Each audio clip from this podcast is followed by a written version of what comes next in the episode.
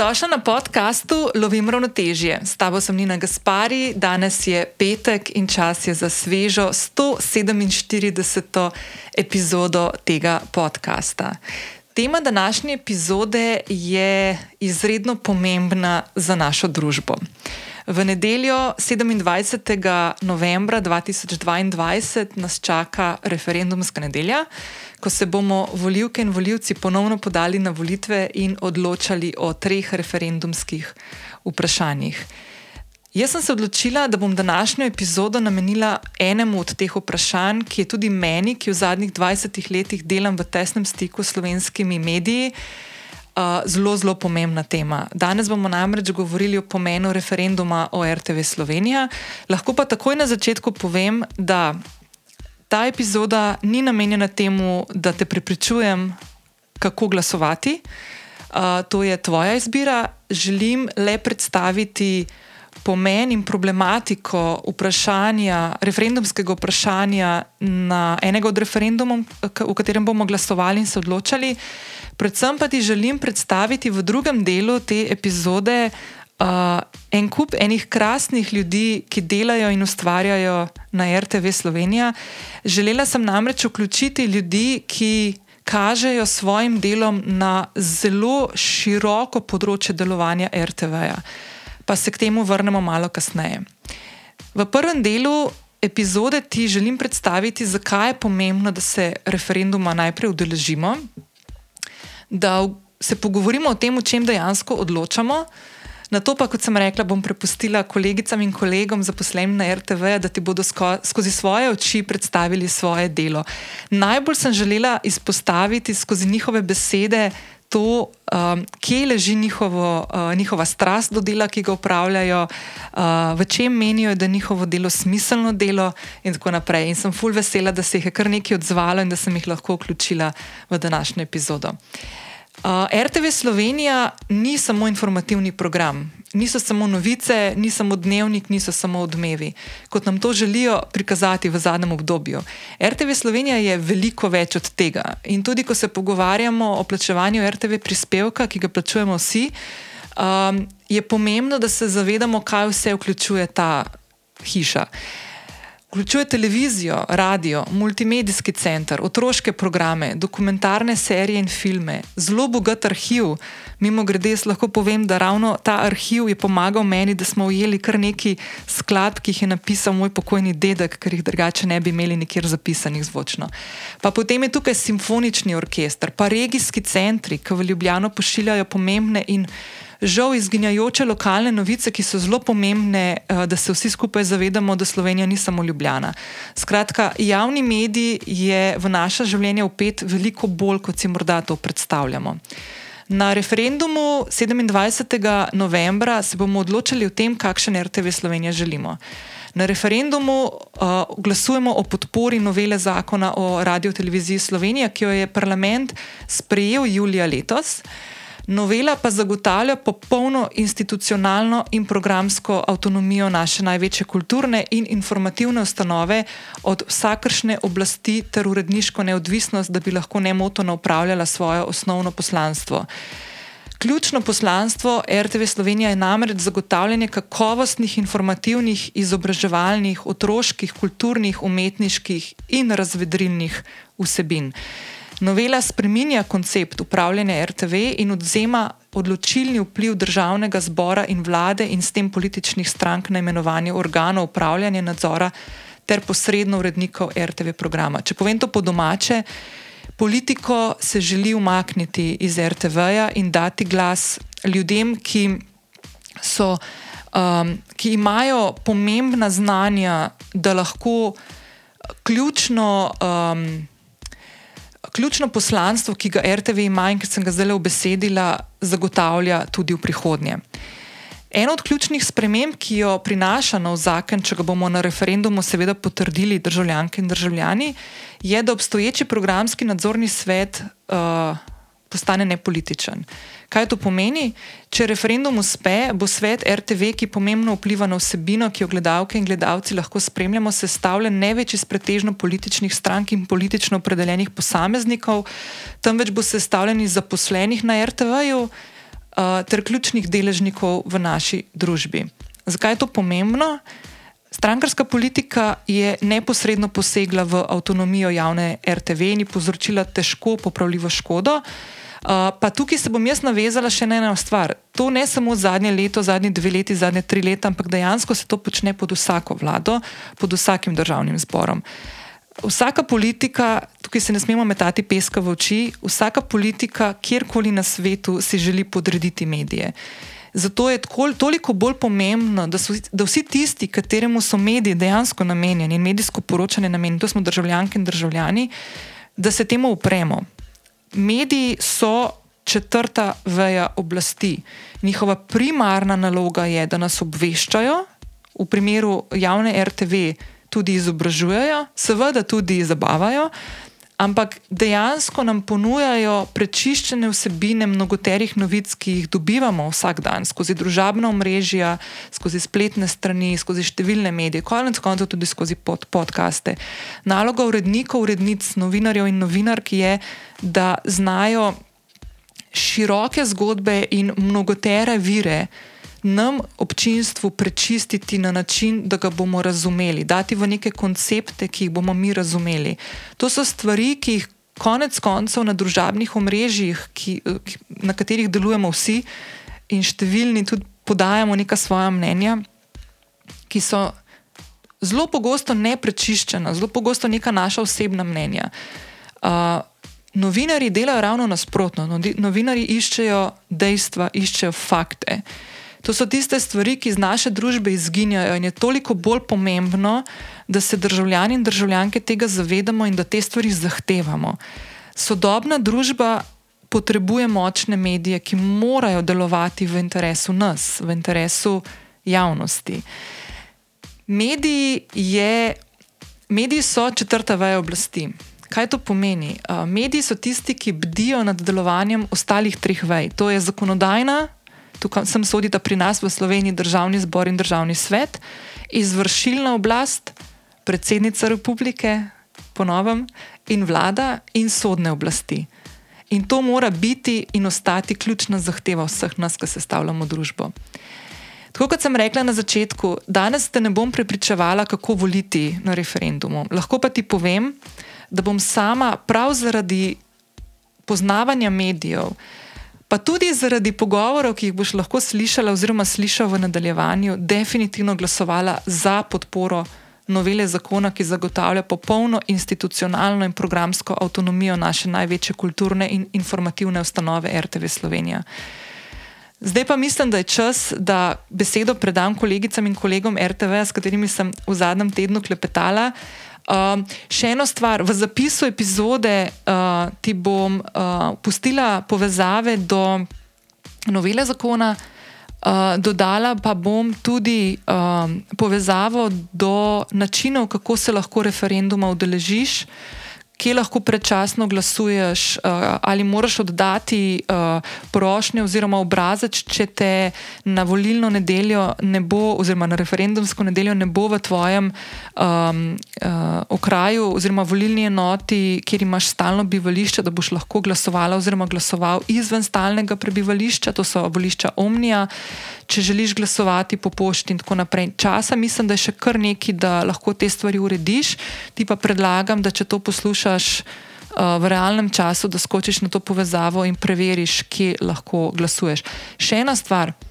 Um, volitve so naša pravica, ampak tudi dožnost. Uh, z našim oddanim glasom pomembno vplivamo na to, v kakšni družbi želimo živeti. In mislim, da je zelo pomembno, da si vzamemo čas, skočimo na volišče in oddamo glas za tisto opcijo, za tisto vprašanje, um, ki se nam zdi pomembno.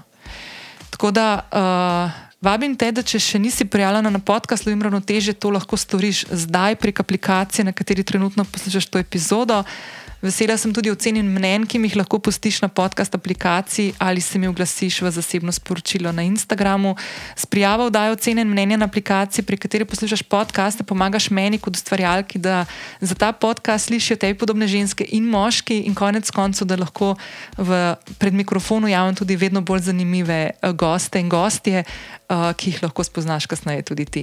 In tudi tokrat, kot sem rekla, lahko spodaj v opisu najdeš povezavo do zapisa epizode, ker te čaka še kar nekaj povezav povezanih z referendumsko nedeljo uh, in, s, in s katerim ti bo upam, ti pomagam tudi jaz najti nek, um, neko odločitev, ki jo boš sprejela oziroma sprejel pri sebi.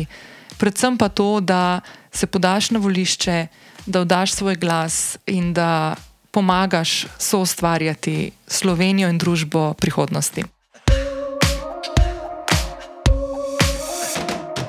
Ja, čau, Uršula. Zdravo, dober večer. Dober večer. Evo, rekel si, da tako je v neko tako bolj proper. Uh, vi radici na javni televiziji, pa tele pa radio, ne ste tako imate čest, date čest eno tako izobraževanje, ki mi vsi ostali si mislimo tako, ok. Pač Tudi mi si mislimo to. Hvala, ker je ful, ne, itak, itak. Ej, um, ful, hvala, ker si si vzela čas, uh, da poklepetaš tako le malo z mano, pa da mojim poslušalkam, poslušalcem uh, tako v nekaj minutah mal predstaviš sebe svoje delo, kaj je tisto, kar počneš s strastjo, uh, z nasmehom, uh, kaj je tisto, ki je smisel tvojega dela, kot ga ti vidiš, uh, da tako malo pokažemo različne profile ljudi, ki delate na tej inštituciji. Z veseljem, hvala za vabilo. Um, če smem, ravno zadnjič sem razmišljala, imela je Nataša Štefe v jutranjem programu v torek vprašanje, ali preveč delate. To sicer Aha. ni bilo glavno izhodišče vprašanja, ampak ali preveč delamo. In zdaj, z neke distance, trenutno sem na porodniški, sem razmišljala, ali sem bila takrat preobremenjena, preveč delala. Absolutno preveč delamo, ker radi počnemo to, kar počnemo. In potem je bilo vprašanje, eh, če bi uvedli štiridnevni delovnik, kaj bi ljudje počeli peti dan. In moja prva misel je ja, za službo. in potem razlagam doma partnerju. Ja, kaj bi počela peti dan? Se tudi šesti dan v nedeljo, ko se pripravljam na ponedeljkovo jutro, Aha. je to šesti delovni dan in to počnem z največjim veseljem. In zdaj bi mi nekdo oduzel tisti peti delovni dan, jaz seveda bi delala za službo. Ne? In jaz ja. mislim, da zdaj, ko razmišljam o tem, da to največ pove, uh, kako strastni smo do svojega poklica, no, do svojega dela. Ej, ampak primer, evo, zdaj je vprašanje. Zdaj, ko ti, naprimer, rečeš, naprimer, zdaj, okay, zdaj si na porodniški, mogoče malo drugačno obdobje, pa imaš druge stvari, ki jih uh, moraš početi, ne pa še eden, eno bitje malo, ki ga moraš tam le spremljati. Ja. Ampak, naprimer, tiste dneve, ki se spomniš nazaj, ne, ki naprimer šesti na sobota, nedelja, ko nisi bila v službi fizično, nisi imela svojega termina. Uh -huh. um, pa rečeš, da si delala. Uh -huh. Kaj takrat delaš? Uh -huh. Ja. Uh, to so v bistvu priprave na program. Ne? Zdaj je odvisno, kako resno se jemliš. Ampak, ker smo javni radio, se jemljemo zelo, zelo resno. Uh, to pomeni, da bereš novice, iščeš mhm. sogovornike, urejaš razno razne korespondence. Uh, če vodiš program, seveda pripravljaš program. Ne? Um, program je sestavljen iz nekega servisnega dela, to je tisto, ko vas obveščamo o tem, da neko budalo vozi v napačno smer, ne glede ja. na okoliščine, v tistem trenutku je budalo, ker streže nekomu po življenju in to so pomembne stvari in javni servis je zato tam, da ljudi obvesti, vozite skrajno desno in ne prehitevajte, ker vam preti nevarnost. Ne? Mislim, o predpostavki je ravno kar nedolgo nazaj, ko bomo to dali ven, da je Val 202 najbolj poslušana radijska oddaja v Sloveniji. Absolutno. Kar pomeni, da možnost, Dosega. da se tam in da bo to pravilno zate te seglo takrat, v momentu je to zelo veliko. Zelo, zelo velika. Točno ja. zato se to tako resno jemljemo. Ne? Mhm. To so neke servisne informacije. Potem, kakšno je vreme po krajih po Sloveniji, mhm. vmes so seveda novice, eh, vse te stvari. Potem pa so priprave, zdaj konkretno, če govorimo o ponedeljkovem jutru, uh, kaj želiš sporočati ljudem, medtem ko poslušajo glasbo, ko so priklopljeni na Val 202. Zdaj pa tematike so uh, zelo različne, ne? tisto, kar neki osebnosti radijski ustreza. Uh, samo govorimo o nekih družbenih tematikah, uh, opozarjam na tiste, ki mogoče nimajo toliko glasu v družbi. Uh, skušam se uživati v poslušalca in v njegovo ponedeljkovo jutro, eh, v nekoga, ki ne vem, mogoče mora vzeti prve tablete za pritisk, v nekoga, ki se pelje v službo, eh, nekoga, ki ima na zadnjih dveh sedežih, eh, kaj pa vem, male otroke, pa jih pelje v vrtec, pa so čisto raštelani, pa bili so bolani zadnja dva tedna. Skratka, kaj bi znalo ljudi zanimati, kaj je tisto servisno, kar nujno potrebujejo v ponedeljek zjutraj, in kaj je tisto, kaj jim lahko ti kot neka radijska osebnost daš. Mm -hmm. Uh, to so priprave ne zelo uh, neoprijemljive. Ne, Ampak veš, v bistvu, tako če strnem nekako, je mislim, sej, veš, kaj jaz zdaj s tabo govorim, v bistvu mi je tako, ful mi je the best, ker se ena stvar ful ponavlja tudi s svojimi sodelavkami in sodelavci. Uh mhm. -huh. In to je ena tista neskončna radovednost, uh mhm. -huh. ki v bistvu.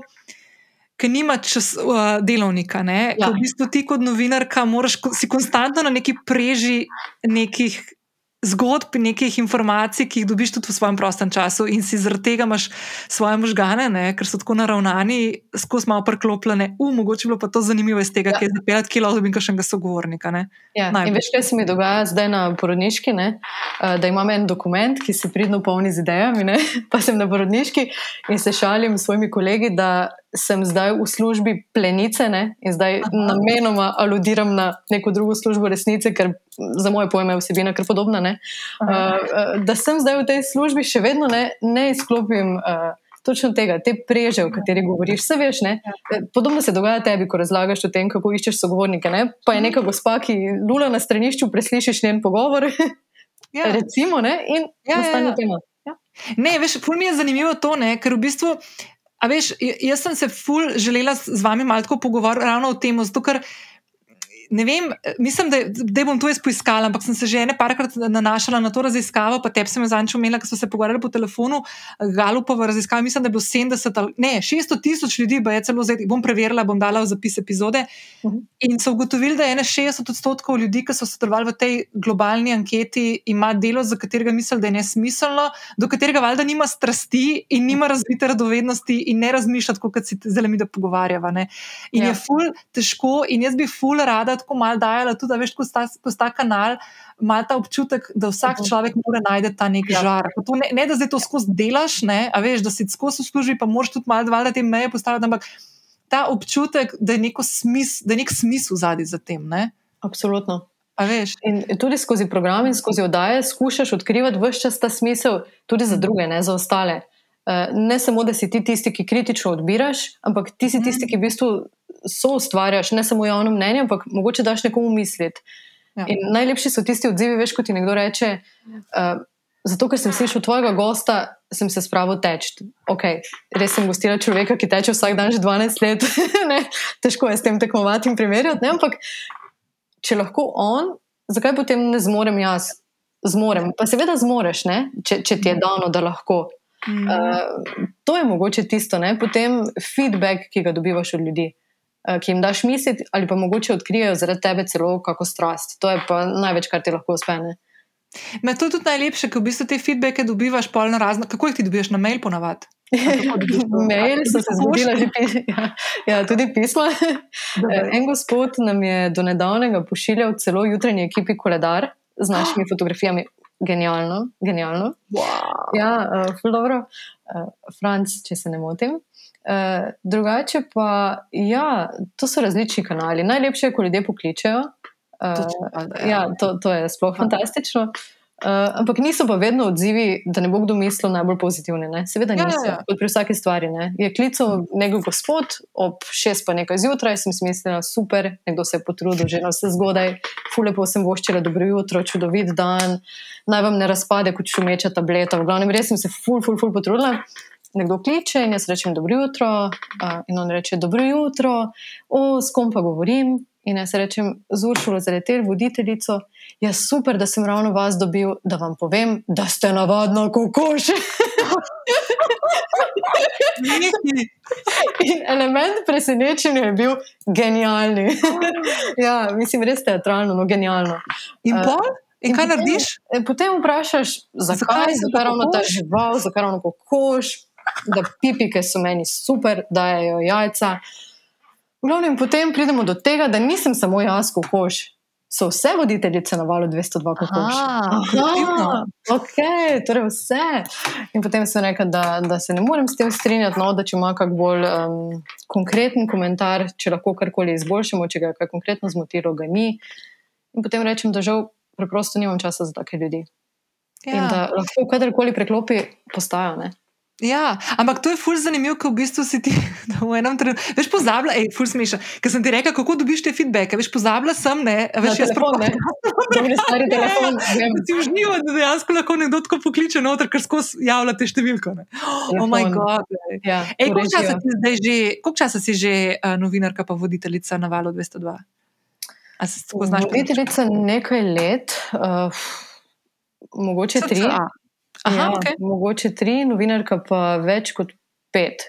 Okay. Recimo, da rečemo več kot pet. Ja, Okay. ja Okay. že lep čas. Ja. In ko ti pomisliš, da je val 202, kaj pomisliš? Jo, na, ljudi, na ljudi, ki Na jih ljudi. pogrešam. Ja, ja. Eh, Predvsem na sodelavce, eh, na poslušalce, se to je neizbežno, ne? Eh, pa na oddaje, ki sem jih ustvarjala prej. Na vse kritične glasove, na vse tiste, ki so mogoče kje druge preslišani, na vse tiste, ki jih se veš, ko odkriješ nekoga in je tvoj in si ga odkril prvi. Eh, Ta občutek, no? Eh, da nekoga imaš, da mu nekaj daš in dobiš nazaj. To je tisto. Ej, ja, veš, da sem dobila solzne oči zdaj.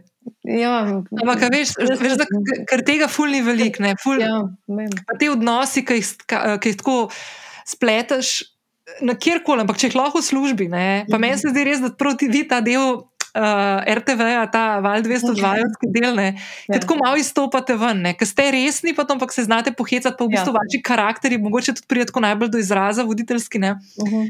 In mi je tako, to se ful čutno, se, mislim, ne na zadnje, ni, ni brez razloga, da ste pač to poslušali na radio. Ne, tako pač, a veš, in je the best. Ne. Ja, se strinjam. Tako da, ja, lej, a bi še kakšno stvar dodala? Mislim, se klepetale bi tako lahko vedno enkrat vprašati, kako je izven vsega tega, boš Z veseljem. na svojo epizodo. Ko pridem nazaj pred mikrofon, ker kot vidiš, sem malo out, ne, ampak še imam čas. Zdaj pravim, da me otrok navaja na te nemogoče jutranje ure. Ne. Aha. Kar se tega tiče, pridem zverzirana nazaj, uh, govor, to bomo še malo izpilili, uh, vsebine, tega pa ne bo zmanjkalo. Uh, jaz vem in zaupam ljudem, in vem, da imamo res kritične poslušalce, uh, zvesto publiko. Vem, da si ljudje v Sloveniji želijo takega medija, ker brez njega preprosto ne gre, brez njega izgubimo preveč. In um, vidiš, ob tem pa imam jaz skorjo kožo. Ne? Ja. Jaz vem, da nas ljudje podpirajo. No, ne samo v številkah, ki smo jim priča, ampak um, Mm. tudi drugače. No, da nas poznajo, da si želijo kakovostnega javnega servisa, človeka, ki za njih preveri informacije, ker v tem digitalnem hrupu preprosto potrebuješ nekoga, na kogar se lahko zaneseš. Ja. Dogajale so se stvari, se veš, eh, zdaj že žal pokojni Marko Brecel. So ga razglasili ja. nekega dne, se spomniš, Da je mrtev, ne? za pokoj. Tako, kdo je Ja, ja. poklical? Val 202 je poklical in preveril, ker je v vlogi tega in tistega, ki preveri. Gašpir Andrij ga je klical, dobili smo ga na telefon. Uh, teh zgodb, fake news je ne bro in tukaj se pogovarjamo zdaj o življenju. Mislim, ne. Ja, ja. Ne, mislim tako, jaz mislim, da, jaz mislim, da se tudi to je point in to bom jaz tudi, um, mi da to snemava, preden bom jaz uvod Mhm. naredila, ker v bistvu to izpostavljanje uh, ozaveščanja, kaj mediji delajo in kakšna je vloga medijev, jaz mislim, da te stvari ljudje premalo poznamo. Absolutno. Uh, in ravno to bi bilo, bi to res treba bilo dati tako res v en tak izobraževalni sistem, tudi zato, ker enostavno se mi zdi, da to funkcijo medija, pustimo to, eno je tudi četrta veja oblasti, da se nadzoruje stvari, valjda, itak, ampak druga stvar je pa to interpretiranje. Poplave enih informacij, uh, uh, ven vzeti in urednikovati stvarmi, ki danes, naprimer, na vseh družabnih omrežjih, ki jih mi imamo, nihče tega ne počne, Mhm. čistko za res, sploh pa če gre za jezike, ki ni angliščina. Ne? Mhm. In se mi zdi ta stvar ful kritična za, za, za nas in konec koncev tudi, tudi za svet, kot ga poznamo. In jaz mislim, da si noben ne predstavlja čisto dobro, kaj bi se zgodilo, če tega ne bi bilo. Pa jaz pa, ker malo bolj te stvari poznam, ker toliko časa že delam tudi z novinarji in mediji, se mi pa zdi, da bolj, da ne gremo v to smer. Ne? Boljše. Ja. Ja, ne, Če gledamo a ne. prakse iz drugih avtoritarnih režimov, se vemo, ne, najprej so javni pokorili javni mediji. ne. Valjda, Super, valjda. njena hvala, res, da izkoriščaš svoj vpliv no, za. Ej, z veseljem, z veseljem. In tudi, uh, res, tudi to vabilo za te, ki boš uh, nazaj. res je odprto, uh, ker Ja. ful rada klepetam z vami in ravno te teme odpiram. Vem. Mislim, da je bila leto pa pol nazaj bila Maruša? Zelo Super, ja. In veš, ful zanimivo, takrat smo govorili o STA-ju, ker je bil takrat problemi, spomnim. smo se ful pogovarjali o tem, ra- ravno o tem, kakšna je vloga STA in kakšen bi bil svet vaš, ne, vaše delo, če ga ne bi bilo, kot servisa ja. tudi za vas, ne, predvsem za vas, no, se ne za ljudi. Ne. In, in ne morem verjeti, da se danes pogovarjamo o teh stvarih in pač izpostavljamo, ja, zakaj je pomembno, da se določene odločitve sprejmejo, ker so te odločitve dobre, konc koncev za nas, ja. ki smo poslušalci, pa gledalci, pa bralci. Ja. Tako da, ja, absolutno in z veseljem, kadarkoli odprem ta medij tudi za to. Ja. Super si.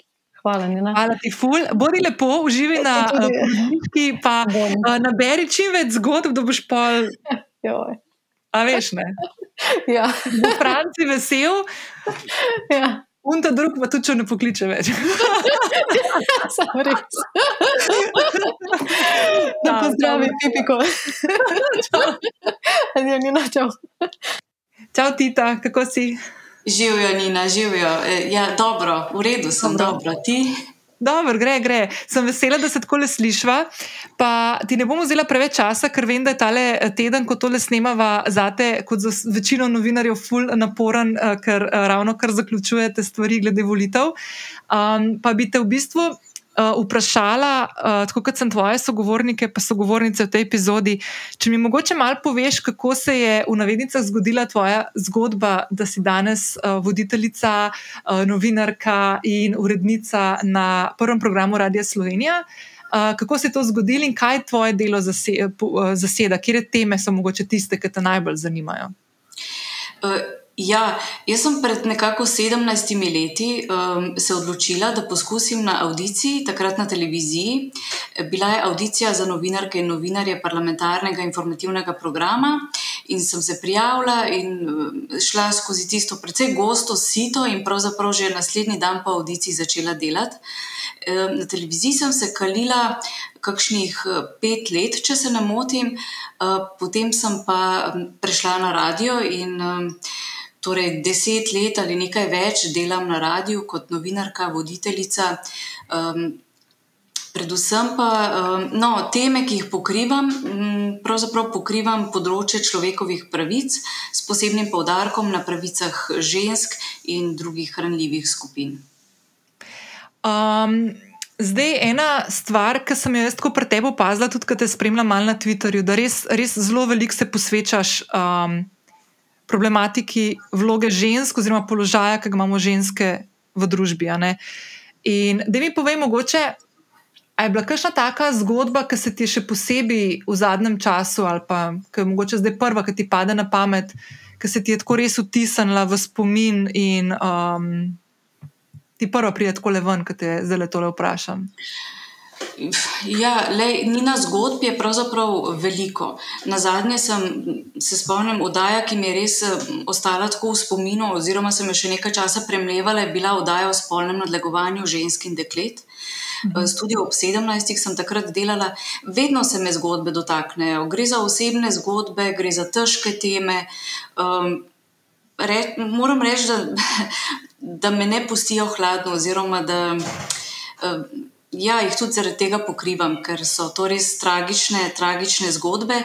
Mogoče v zadnjem tednu lahko menim to, da sem eh, prejela eno pismo podpore ene starejše gospe iz Bele krajine. Napisala mi je tako pismo, klasično pismo v fizični obliki, poslano po pošti, napisano na roke. Eh, s prelepo, prelepo podporo. Gospa je napisala, da posluša moje oddaje in da je tudi sama veliko pretrpela v preteklih sedmih desetletjih svojega življenja, zgolj zato, ker je ženska. In um, nekako na koncu mi je tudi napisala srečno in pogumno naprej.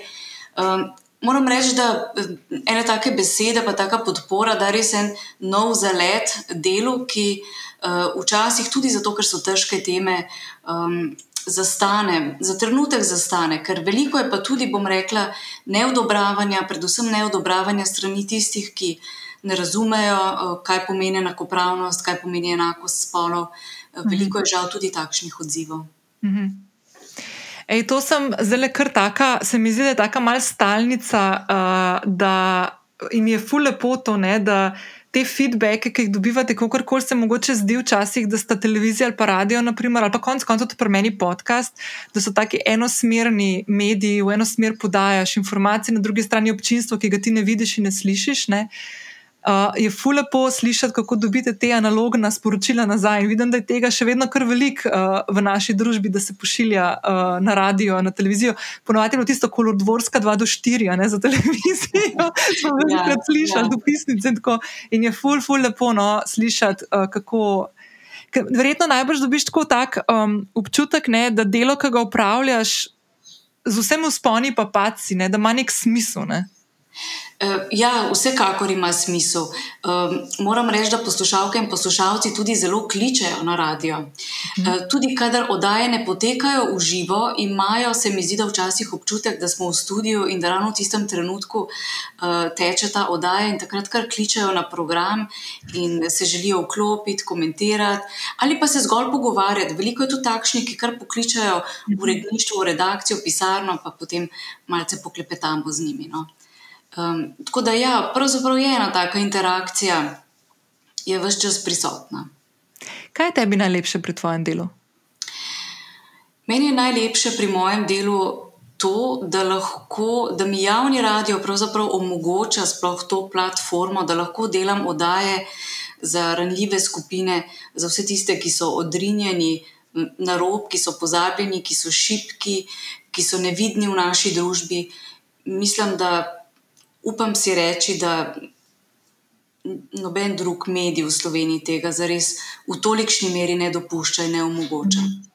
Se to sem te hotela vprašati, da v bistvu tako, kar razmišljam, um, z vsem spoštovanjem do medij, medijske krajine v Sloveniji, ki je raznolika, kljub, kljub temu, da je veliko medijev, nažalost, v zadnjem času, v zadnjih desetih letih, morda tudi zaključilo kakšno svojo zgodbo, ampak še vedno imamo kar precej takih medijev, ki še delujejo in so močni. Ampak si sploh ne predstavljam, naprimer, ne vem zdaj za noben drug medij, ki bi dejansko puščal in odpiral prostor za take tematike pa tako raznolike vsebine, kot jih naprimer ponuja ta uh, RTV Slovenija ne? in radio in televizija, konec koncev. Uh, ja, v teh dneh, ko govorimo o RTV-ju, um, velja vendarle poudariti tudi to, da RTV je zavod posebnega pomena, javni mediji uh, so uh, eden izmed pogojev obstoja demokratične družbe, kar pa delamo na RTV-ju. Pa če se umem samo na radio, tukaj je toliko različnih vsebin za tako različne uh, ljudi, poslušalke, poslušalce, tukaj je otroški program, lahko noč otroci. To so pravljice, ki sem jih sama kot otrok poslušala in ki jih v teh večerjih posluša moj sin. Potem so tukaj mladinske vdaje, izobraževalne vdaje, notranje politične. Um, Glasbene vdaje, um, ogromno je tega. Ja. Mm. Ja, zelo smo se fokusirali, sploh v zelo zadnjih mesecih, samo na informativni, zgolj na informativni program, na novice, ne? ker res dejansko to ni to. Um, ena stvar, ki sem ti hotela mogoče še povedati, da ravno zdaj v teh dneh, ko tole uh, snemava, sem tudi jaz odprla eno to temo na svojem podkastu zlorabe otrok oziroma travme, preprečevanje travm. In ti moram reči, da me ena stvar, ki me je blazno presenetila, da načeloma da za kar za vsako epizodo dobim kar nekaj tako sporočil, pa feedback. Ponovadi jaz dobim tako na Instagram zasebna sporočila.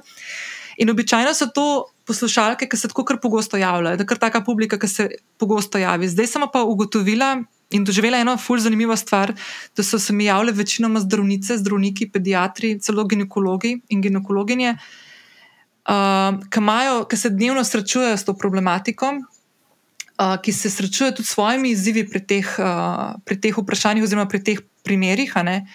In predvsem izpostavlja eno stvar, ki se mi zdi fulj pomembna in mi kaže na to, kako pomembno je, da se take teme vključujejo v ta javni diskurs, ne, na vseh področjih, kjerkoli lahko pač pridejo nekako noter. Zato sem tudi jaz imela nekako občutek dožnosti, da tudi jaz to temo odprem. Um, da da izrazijo tudi konec koncev in naredijo nek pritisk, da sami nimajo dovolj podpore, ne, naprimer na določenih področjih, da tudi sami ne znajo svojega čustvovanja, naprimer.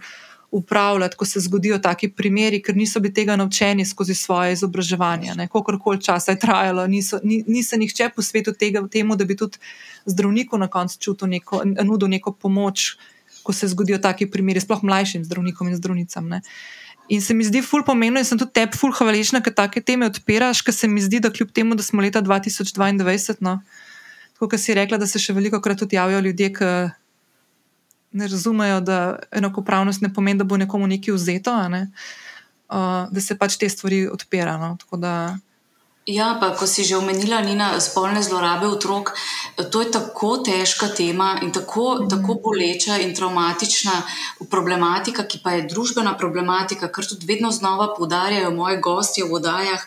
In sicer se tako zelo se trudimo, da bi ozavestili javnost v tem smislu in vsakega posameznika in posameznico, ki se morda sreča ali pa je zgolj priča uh, nečemu takemu, ali pa zgolj nasilju nad otroki, da niso tiho da mhm. priče niso tiho.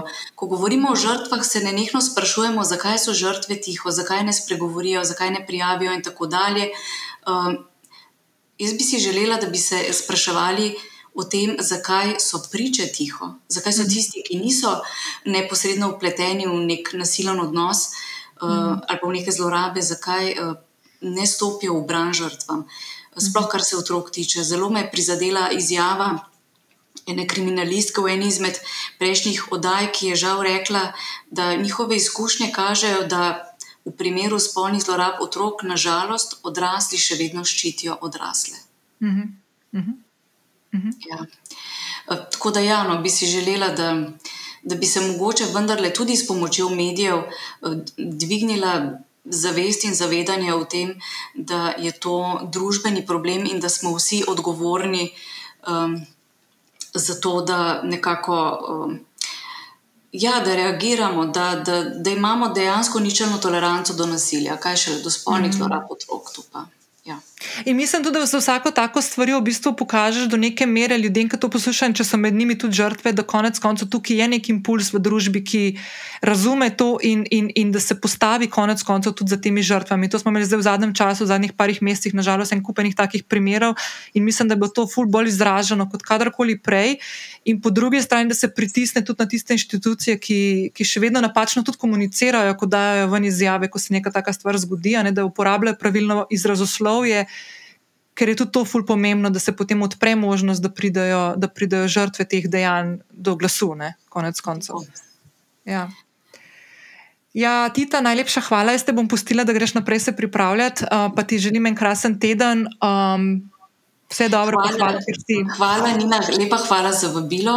Zelo sem vesela in hvaležna, da si se odločila, da nas radice in televizice, radio in televizija Slovenija povabiš um, v svoj podcast. Uh, tako da um, lepa hvala, no pa tudi tebi, seveda, vse dobro še naprej pri tvojem delu. Hvala lepa. Čau, čau. čau. Hej, Miha, živijo. Zdravo. Miha, da ti bom kar postavila na tako podobno vprašanje kot vsem predhodnikom. Um, da mi malo povej najprej, m, kako si se ti znašel na uh, javnem mediju, na RTV, na RTV Slovenija, kako je potekala tvoja zgodba, pa kako bi predstavil svoje delo mojemu občinstvu, pa predvsem v čem vidiš smisel svojega dela? Jo, to je zdaj kar veliko vprašanj naenkrat. Pa če mm -hmm. začneš na začetku, jaz sem se v medijih znašel več ali manj kar po naključju. Jaz sem leta 2001 diplomiral na Akademiji za likovno umetnost iz slikarstva in sem imel v tistem trenutku, sem bil malo prenasičen z vizualnim, z likovnim, sliko kot tako. In takrat je bila ravno audicija na Radio Student za špikarje. In sem se prijavil in so nas, mislim, da od 150 vzeli na tri na konc. In tako se je začela moja medijska pot. Je pa res, da sem bil jaz že dolga leta fan radia študent, um, let, konc 80-ih, ko sem prišel v Ljubljano, že v srednjo šolo, um, smo bili v sicer drugačnih časih, ne, ampak tudi politično zelo angažirani, že kot zelo mlade osebe, ne, tam pa 14-15 letih. Mhm. In, um, jaz se spomnim, da smo kupovali mladino, bil en kolporter, takrat so še na ulici prodajali mladino, tam pod Trančo. Vsak, mislim, da je po sredah izhajala takrat mladina, sem kupoval tam pri njemu in valjda poslušal pa radio študenti neprestano. Um, no, v glavnem, od tam, od radio študenti naprej, pa je pa zgodba šla zelo hitro naprej. Um, bila je audicija na televiziji, jaz sem bil v bistvu deset let na televiziji, pa vmes še na komercialni televiziji, pa tudi na kakšni komercialni radijski postaji. Potem sem pa leta 2012 iz televizije presedlal na radio, kjer sem zdaj. Dej, veš kaj, preden greva na ta drugi del, uh, ki sem te vprašala, kje vidiš smisel svojega dela. Zdaj mi je fulj zanimivo, ker si omenil, da si šel vmes na komercialno televizijo. Ne? Pa ne bi zdaj dajala tako, kaj je boljš, pa kaj je slabš. Ampak v bistvu me fulj zanima vloga medija kot je javni medij je mal drugačna kot komercialni mediji. In se ful veliko v zadnjem času pogovarjamo, in v bistvu tako mal. Nekako hočemo, nekak, nas hoče prepričati, pa zožiti pogled na, na RTV, kot je to samo informativni program. Uh, da mi mogoče povej, kak, kako ti vidiš uh, vlogo RTV Slovenije v primerjavi z drugimi mediji v Sloveniji? To, v bistvu, odgovor na to vprašanje je zelo enostaven. Jaz sem sicer na Pop TV-ju delal v informativnem programu in moram reči, da informativni program na Pop TV-ju ravno tako zasleduje javni interes kot informativni program javne televizije ali pa javne radio televizije. Ehm, ne gre v bistvu za to. Razlika je predvsem v tem, da je s pestro paleto programa, ki jo določa tudi zakon in pač to poslanstvo javnega servisa, da znotraj tega delamo vsebine, ki jih noben drug medij ne, ne dela. Um, jaz se včasih pošalim, ko pravijo ljudje, ja, pa se ne potrebujemo javnega servisa. Kdo vam bo potem bral pravljice na Novi 24 TV? Ne verjamem.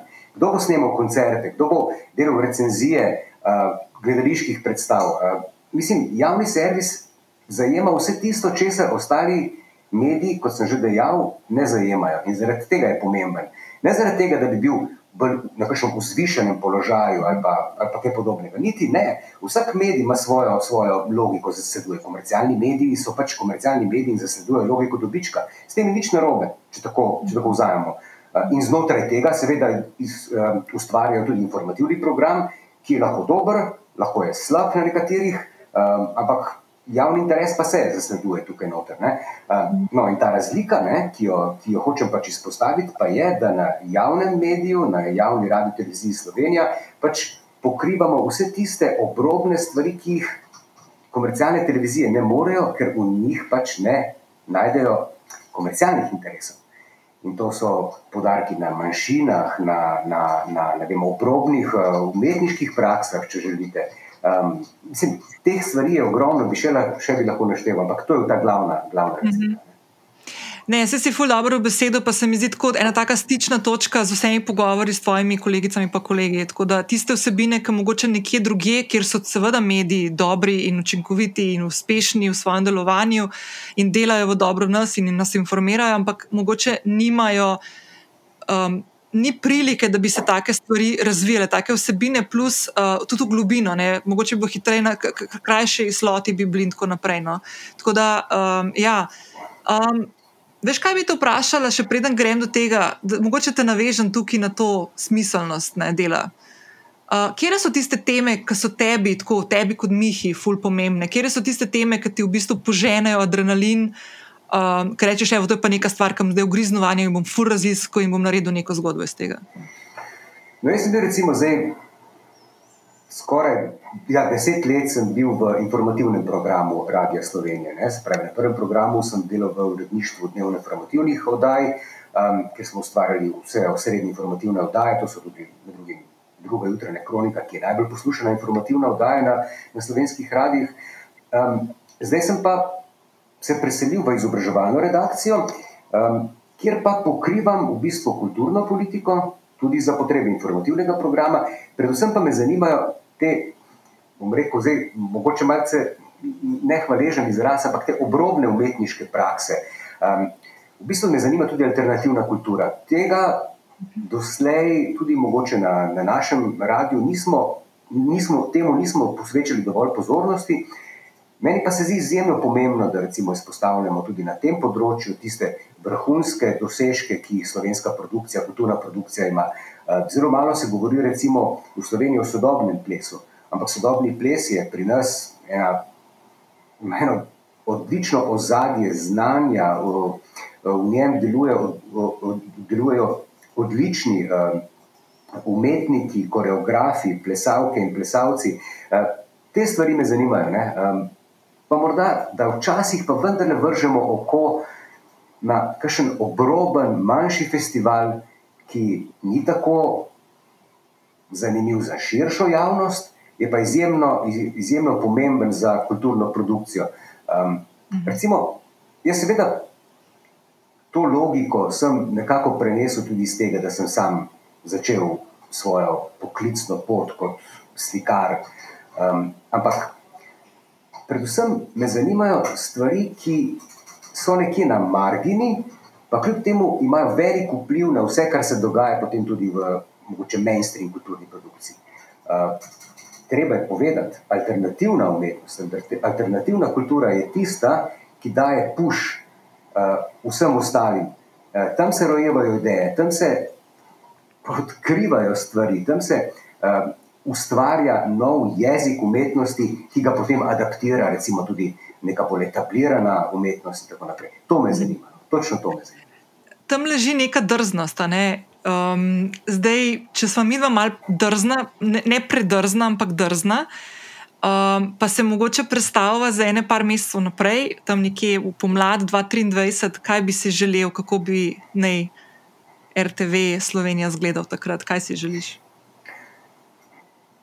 Jaz imam samo eno željo.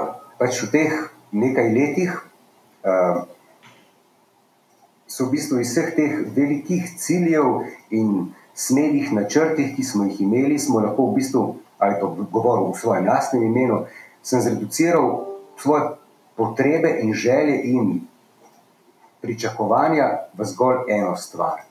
In to je, da si ponovno pridobimo kredibilnost. Mogoče tudi lahko malce pometemo pred svojim pragom, pa smo lahko tudi samo kritični, s tem je nič narobe. To, in tudi pričakujemo, da so ljudje kritični do nas, kar je edino prav. Uh, dobiti bomo, moramo feedback, da lahko potem delamo bolje. Ampak recimo, nikoli nismo bili mogoče najhitrejši, pa nikoli nismo bili najbolj seksi, ampak bili smo pa najbolj kredibilni. Uh mhm. -huh. In če izgubimo kredibilnost, izgubimo v bistvu tudi svojo esenco tega, kar počnemo. Um, želim si, da, da bi lahko še naprej delali. Tukaj na radiju je vendarle malce drugače kot na televiziji. Mhm. Ampak želim si, da bi lahko delali stvari, ki so v javnem interesu in neodvisno od nekih političnih pritiskov, um, sodb, uh, ki so neosnovane, ki so neosnovane na neprofesionalnosti. To si želimo, v glavnem, da ohranimo kredibilnost.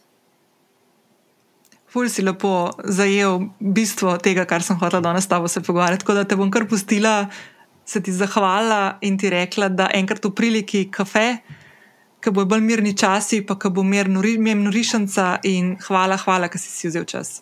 In hvala tudi, ker delaš ta podcast in hvala, ker si, ker si nas vzela tokrat v središče svoje pozornosti. Z največjim veseljem. Hvala, hvala ti. Čau. Dio. Čau, Tina, Čau, kako si? Živijo, Nina, uh, odlično v pripravi naše nove uh, oddaje, petkove, tako da sem globoko v researchu za temami. Evo, da be, se pravi, ti tudi v petki daješ ven vsebine, ki jih pripravljaš skozi teden. Uh, ja, tako petek je D-Day za našo oddajo Infodrom, torej vsak petek popovdne uh, imajo otroci svoje poročila, v, katerem, v katerih lahko zvejo, kaj se dogaja doma in po svetu. Evo, infodrom, ena, ena od stvari, ki sem jo hotela fulujeti danes v ta podcast, je, da se zadnje čase, sploh no, eh, v naši družbi, fulj veliko pogovarjamo o RTV Slovenija in smo zelo fokusirani na informativni program, ki ga sicer tudi vi ustvarjate v oddaji, ampak mi smo fokusirani na unga za odrasle in doskrat pozabimo, da je RTV Slovenija veliko več kot samo informativni program na televiziji. Uh, in evo, lej, da je mogoče, bi te prosila, če lahko mal poveš, kaj tvoje delo zajema, kaj tvoja vloga, ki jo imaš, ali pa po domač služba, ki jo imaš na RTV Slovenija, vključuje. Bom najprej povedala po infodromovsko. In sicer uh, moje delo je, da tudi tisti, ki so stari med 9 in 14 let, razumejo, kaj se dogaja doma in po svetu. Torej, da jim neke vsebine, ki jih morda celo odrasli v naših informativnih oddajah ne razumemo, ampak ker smo odrasli, ne priznamo, da čist ne razumemo, zakaj gre, zato večkrat pogledajo tudi našo oddajo, ker mi gremo pa ponavadi kakšni pet korakov nazaj, pogledamo v neka ozadja in razložimo tako, torej, da razumejo tudi 9, 10, 11, 12, 13, 14 letniki. Uh, recimo teme, tudi kot politika, tudi vojna, recimo vojna v Ukrajini, otroke zelo zanima. In -huh. ker vemo, da se danes z njo srečajo na vsakem koraku, ker so na družbenih omrežjih, ker so na YouTubu, gledajo televizijo, se nam zdi pomembno, da jim o vojni povemo tako, da razumejo, kaj se tam dogaja in zakaj se to dogaja. Kar je trd oreh, ampak se trudimo. Ampak to je ena od tistih stvari, ki je pomembna v komuniciranju na splošno, tudi med čisto vsakim človekom, ki se z nekom pogovarja. Da eno je, kaj ti poveš, drugo je pa, da preveriš, če človek tisto, kar si povedal, razumel na način, ki si ti hotel povedati. Ne? Kar je ponavadi v komuniciranju itak ena taka stvar, ki jo malo spustimo in nam je kao. Ful je pomembno, da mi povemo svoje, ta drugi del pa ne preverjamo. In se mi zdi ful pomemben, da ne podcenjujemo, naprimer, uh, ta malčkov, ne? pa ki niso ja. več to tam mali, no se te 90 ja, ja. let stari so že kar tako, so že kar svoj glavi in znajo svojo glavo razmišljati malo bolj in oblikovati svoje mnenje. Ampak se mi zdi ful pomembno, kot si rekla, da neke teme, ki jih dobijo, konec koncev, če ne drugega, prozajtro, ki se starša pogovarjata ali pa mogoče sta zaskrbljena zaradi stvari, ki se dogajajo, ki se, a veš, tudi zdaj, kaj bo jesen, po zimi in tako naprej, ne, da se mm. pač te stvari razloži v njihovem jeziku, da to razume. Se mi zdi to. To je veš, kaj je no. zanimivo pri tej ciljni publiki, ne? da ti čist direkt pove, če mm. ne razumejo, če je brez veze, če pa če kar neki. -hmm. Direktno ti bojo povedali. Ne, odrasli smo, mogoče malo diplomatski, tle pa dobiš takoj feedback. Ne, to je brez veze. e, to vsak petek popoldan je na prvem programu. Vsak petek popoldan, 16:20. Uh, 14 minut uh, različnih tematik, seveda je to narejeno tako, da uh, ima neko strukturo, ki sledi ciljni publiki, torej začenjamo morda z malo težjimi temami, ki so relevantne za njih, in seveda končamo z nečem, ki, ki so malo lažje teme, ker seveda ne moramo konstantno samo težke teme otrokom -hmm. predvajati. Kar je zelo pomembno za našo oddajo. Ne samo, da razlagamo jim uh, iz stališča odraslega, ampak vedno nekako skušamo razlagati. Skozi njih, torej, da njih vključujemo. Pri nas niso pomembni odrasli glasovi, ja, takrat, ko pač je to potrebno, ampak nas zanima njihovo mnenje. Torej, ne delamo samo za nje, ampak je pomembno, da delamo z njimi če sem razumljiva. ne, ne, valjda, da se tudi ja. slišijo, ne počutijo, ne samo da prejemajo informacije. Tako, in, zel, in v bistvu mislim, da največ dosežeš pri tej ciljni publiki s tem, da jim to poveš skozi njihovega vrstnika. No, ta neka identifikacija je pomembna, ne? tudi ko gre za neke teme odraščanja. Mi mhm. lahko še tako govorimo, to je narobe, to je tako, ko pa to pove njihov vrstnik, pa zakaj se to njemu zdi prav ali pa mhm. narobe. Ne? Se mi zdi, da takrat najbolj prisluhnejo. Ej, Tina, če te danes tako le vprašam, zakaj ti je lepo hoditi v službo, kje, kje imaš tist, tisto strast, ki jo imaš, ki jo jaz zdaj le vidim, ki se gledava čez ekran. Um, ampak kje, kje vidiš ti tisto smis, ki, smisel v tvojem delu? Um, ki ni samo tvoj smisel, ne, ampak širši za družbo ali pa za ciljno publiko, ki jo nagovarjate, konkretno z vsebino, ki jo tudi ti pripravljaš. Ja, točno to. Jaz sem odvedno uh, želela biti novinarka in, in sploh se ne spomnim, da sem kadarkoli v življenju želela početi karkoli drugega in vedno sem si želela biti novinarka v informativnem programu. Potem pa se mi je odprl en cel svet informativnih oddaj za otroke. Torej, še zmeraj ta, jaz sem naravnana tako, da veliko berem, spremljam, kaj se v svetu dogaja. Zdaj pa imam to možnost posredovati te informacije na nek drugačen način, ki vidim, da ima doseg. Vsak mhm. druge teme, pač se mi zdi, da je smešno, ko se pogovarjam s kakšnimi znanci in se mi zdi, da vsake temi znanke poved, ker res toliko različnih tem na teden raziskujem in, in meni je to nekaj najlepšega, no, ne znam drugače povedati. Pa še, ko se pogovarjaš z otroki, rečemo, da otroci so iskreni, ma ja, pri teh letih či zares znajo tudi zelo odgovarjati, kot mislijo, da je družbeno spremljivo. Ampak Všečno. to lahko poveš. Rečeš, ja. Ja, ampak veš, kaj pa, kaj pa za res misliš, in ti to, to, to potem tudi povejo. ja, ja, ja. Ej, Koliko časa, koliko časa že, uh, dela, mislim, koliko časa že to ustvarjaš, uh, Infodrom? Jaz sem v bistvu uh, ena od uh, dveh, še Barbara Stege, meni je bila tista, s katero smo začeli s tem formatom in da Infodrom je moja diplomska naloga. Tako da sem že od samega začetka pri tej oddaji, torej skupaj z Barbaro smo jo nekako oblikovali, zbrali ekipo, jo naučili delati in, in v bistvu še mislim, da je letos 11. sezona že na televiziji, ampak oddaja smo pa začeli pripravljati že tri leta predtem, tako da se res, res dolgo že ukvarjam s tem. Pa veš, kaj tako, zdaj razmišljam, da si v bistvu v tem času, ne, vsi te tam avčki, takrat, ko so bili pred vem, ja.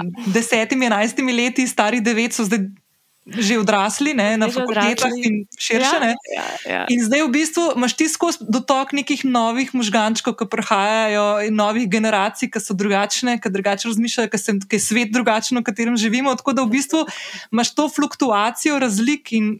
Sprememb v družbi bistveno močnejšo, kot naprimer tvoji kolegi vem, v informativnem programu, ki ima ja. nekoga 11 let kasneje, pa še vedno odrasla oseba z nekimi izoblikovanimi mnenji. Ne? Točno tako. In res se pozna ta množičen pojav družbenih medijev, tam mhm. nekje po tretji, četrti sezoni, ko smo jih tudi mi zelo aktivno začeli uporabljati in smo dobili neke množične odzive otrok. Ne, včasih so bile to razglednice, pa pisma, ki so jih dobivali, recimo moji kolegi. Pa so rekli, smo zdaj pa dobili pismo od Tina, ki je napisala. Ne, in si bil čisto srečen, ker tvoje pismo je nekdo prebral tam v eter. Uh, zdaj so otroci veseli, ko preberemo nek njihov komentar ali pa mnenje. Imamo prav poseben del, da enkrat na mesec posvetimo spletu in kaj se dogaja tam. In sploh, ko gre za neke teme, ko je bila korona, to smo dobili na dan, manjšteto vprašanj o tem. In takrat se nam je zdelo zelo pomembno da na ta vsa vprašanja odgovorimo, in smo seveda tudi dnevno takrat v oddaji Izodrom odgovarjali na ta njihova mm -hmm. vprašanja. Ko se je zgodila vojna v Ukrajini, spet skupaj mm -hmm. pač se nam je zdelo pomembno, da na vsa odgovorimo. In ta komunikacija, ta engagement, no, ki se nam zdi pomemben za oddajo. Torej, Nek, nek, nekakšen takojšen odziv na dogajanje in na naše vsebine, to se nam zdi en tak pakt, ki ga imamo med sabo, ful pomemben, pa ga moramo zelo vzdrževati, pa se nam zdi res, res, res pomemben. Čeprav smo televizija, ampak um, tam, kjer otroci rabijo odgovore, tam jih skušamo posredovati. Hkrati pa tudi ne se nam včasih očitajo, zakaj sodelujete na družbenih omrežjih, pa to je slabo za otroke, pa tam lahko marsikaj slabega vidijo, preberejo. Ampak kar jim pa jaz rečem, mislim, da je to odgovornost njihovih staršev, če otroci tam so, naša odgovornost pa je, če smo že tam, da jim damo kakovostno vsebino.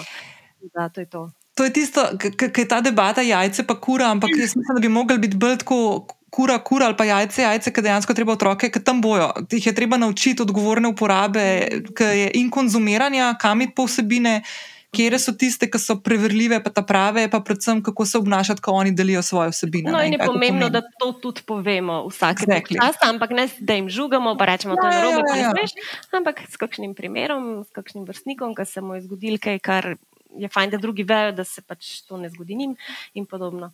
O, Anina, uh, jaz zelo hitro govorim, ne vem, katera hitreje od naj. Mogoče, ker si ti hitro govor, še jaz zelo hitro govorim. Ne, jaz se vedno pri takih stvarih rečem, ti ne morda malo počasi. Ne, ne, ne. Ampak mi je ta tempo všeč. Ne, ne, tako, da, da moja publika je kar navajena tega okay. in kar sledi pod panike. Ne, veš kaj, to, kar si zdaj omenila, se meni zdi ful pomembno. Vse konc koncev take vsebine, kako se obnašati, pa kako konzumirati ali pa sodelovati z vsebino na nekih družabnih omrežjih, takšnih in drugačnih, se premalo tudi odrasli pogovarjamo, pa mislim, da bi rabili vsi eno tako malo šolo lepega in spodobnega obnašanja na tem področju. Ne? Tako da, če začnemo pri otrocih, ne? super, ja, ja. ampak da imamo še malo tudi mi, tako da ja, ja. hvala. Aj, še kaj bi še rada pri tem omenila? V bistvu, kar se mi zdi fajn v naši ekipi, ki dela našo oddajo in širše vse otroške in mladinske oddaje, da smo si ful različne. To se meni zdi v nekem timu ful pomembno. Če bi bili vsi taki, ki bi razmišljali tako kot jaz, ali pa ki bi jih zanimale take teme, ki mene zanimajo, se mi zdi, da bi bila vdaja dolgočasna. Ali ja. pa ne vem, vedno se je fajn, da je tudi fajn skregati. Pa na koncu potegnem črto, pa iz tega nekaj povleč. Torej, da imamo nek, ne, neke poglede, ki jih izmenjamo, in iz tega pridejo neke nove, pomembne vsebine in pogledi. In, in zato sem fulh hvaležna, da imam tako možnost delati v takem kolektivu, ki vse to smo. ne, v, bistvu ja. si, v bistvu si zdaj le povedala eh, eno, eh, eno tako stvar, ki jo otroci načeloma imajo, pole pa mi izgubimo z odraščanjem in to je ta prirojena radovednost, ki je ja. vedno fajn, da jo ja. obdržiš in da jo imaš, ker ja. če si najbolj pameten, pa misliš, da si najbolj pameten v enem prostoru, si v napačnem prostoru. Tudi, ja. recimo, ko delamo naše prispevke, ko razume čisto vsak v ekipi, kaj smo hoteli povedati. Pol smo že na pravi pot. Vedno preverimo. ja, ej, Tina, ful ti hvala, uh, ful ti hvala za vse, kar delaš. Um, pa se srečava v priliki tako izven teh ukvirjev, eh, nadaljavo pa to. Z veseljem, sicer pa ti prisluhnem vsak petek in se veselim tvojih podcastov. Si moja tekaška družba. Eno dobro, en smisel. Hvala ti. Hvala, lepo ja, bo. Čau. čau. Hej, Ana, živijo. Živijo, zdravo. Um, Ana, uh, jaz bi tebe, tako kot sem tvoje kolegice uh, predhodne, ki sem že posnela z njimi pogovor, uh, najprej vprašala, mogoče tako, da malo poveš o sebi, pa področje dela, ki ga opravljaš uh, na RTV Slovenija. Kaj je tisto, kar uh, tebe poganja, kje je tvoja strast, kje so tiste vsebine, ki jih pri svojem delu najraje um, nekako raziskuješ in o njih uh, pripravljaš vsebine potem za nas. Mhm. Um, ja, z veseljem. Jaz sem novinarka na MMC, torej na Multimedijskem centru, že vse čas, kar sem na RTV, kar je, ne bi se zdaj rada zapletla s točno letnico, ampak mislim, da govorimo tako o 15 letih. No. Bila mhm. sem še um, študentka, ko sem začela, ko sem začela delati. Um, izključno sem vse čas delala na področju kulture, um, kjer še zdaj sem pač splošna novinarka kulture. Moja strast ali pa specializacija, če si drzam to reči, pa področje filma. Tako da najraje vidim, če se lahko ukvarjam s pogovori s filmskimi ustvarjalci, pišem filmske recenzije, take reči.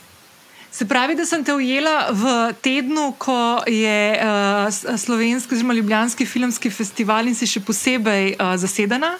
Norišnica je, začne ponovadi štiri filme na dan, prvi je ob 11, zjutraj, zadnji ob 9 zvečer, je kar, je kar no, tempo. No, Tako da sem ti še bolj hvaležen, da si čas vzela ja. za, za, za tole. No? Ja. Tako da, ful, hvala. Ana, da mi povej, um, kje je tista stvar, um, ki tebe najbolj tako, mislim, uh, ki te veseli, da lahko počneš to, kar počneš, da imaš neko smiselno delo. A so mogoče kakšni odzivi, ki jih tudi dobiš od uh, bralcev, um, ali so kakšne take. Vem, kaj je tisto, kar, naprimer, če zdaj pomisliš, da ne bi mogla tega dela, da bi naprimer, najbolj pogrešala? Um, odzivi bralcev sicer vedno so, ampak malo se jaz tukaj poskušam nazaj držati, glede tega, ker če um, ne sprejmaš vseh negativnih kritik, se mi zdi, da potem tudi um, ne smeš pustiti, da ti pozitivne preveč stopijo v glavo. Tako da jaz poskušam mogoče delati, ne da bi se preveč ozirala na, na, na spletne komentarje, ker pač vemo, da to ni grih um, kraj, kjer se zbira najboljše od človeštva, če se tako izrazim. Um, jaz se pač zavedam, da imam precejšen privilegij in srečo, da sem lahko kulturna novinarka z redno zaposlitvijo. Pač toliko ljudi poznamo v tem svojem pohu, ki morajo biti freelanceri, ki morajo poštukati mesečni zaslužek z različnih koncev. Še posebej nekdo, recimo, ki bi se hotel ukvarjati samo s filmom. Pač nek zelo omejen nabor služb, ki jih lahko dobiš. In, in mm -hmm. da, ne glede na vse minuse, pač imam pred očmi, da imam te srečo. Zdaj, mogoče tvo, uh, s tvojimi kolegicami, ki sem se prej pogovarjala, ki so pretežno prehajale iz televizije pa iz radia, moram reči, da so mogoče te feedbacke od svojih občinstv dobivali na drugačen način kot ti, ki delaš za spletno mesto.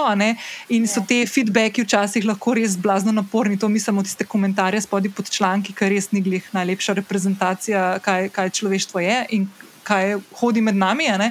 Ampak ena stvar, ki se mi zdi pa tako um, nekako skupna no, vsem vam, je pa um, to, da v bistvu ustvarjate vsebine, ki v.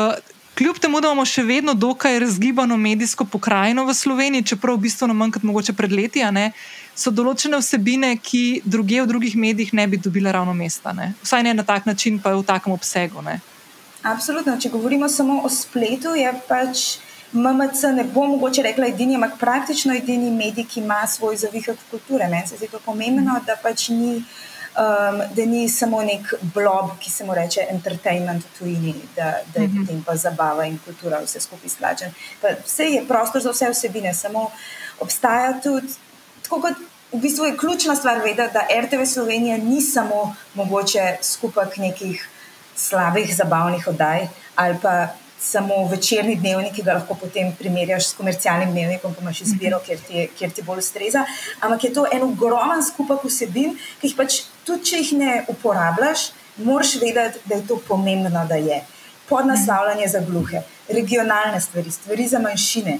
Um, RTV Slovenija ima pač poslanstvo oziroma dožnost arhiviranja stvari. Ne, ne vem. Um, simfonični orkester, mladinski zbor. Mislim, briga mene osebno mladinski zbor, ne? ampak uh. -huh. take stvari. No. Tako da jaz mislim, da je stvar, ki se jo moramo vprašati, je to, ali država potrebuje državno radio televizijo. Meni se zdi tukaj zelo jasen odgovor, da.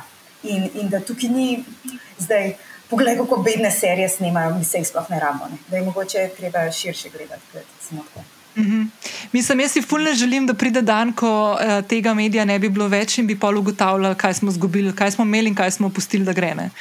Da, stvari, ja, stvari se mi zdi, da potem v retrospektivi ugotavljamo, ampak ko so enkrat stvari uničene, recimo, kaj je neka primer televizijska oddaja, ki je bila desetletja na sporedu, ko je enkrat ukinjena.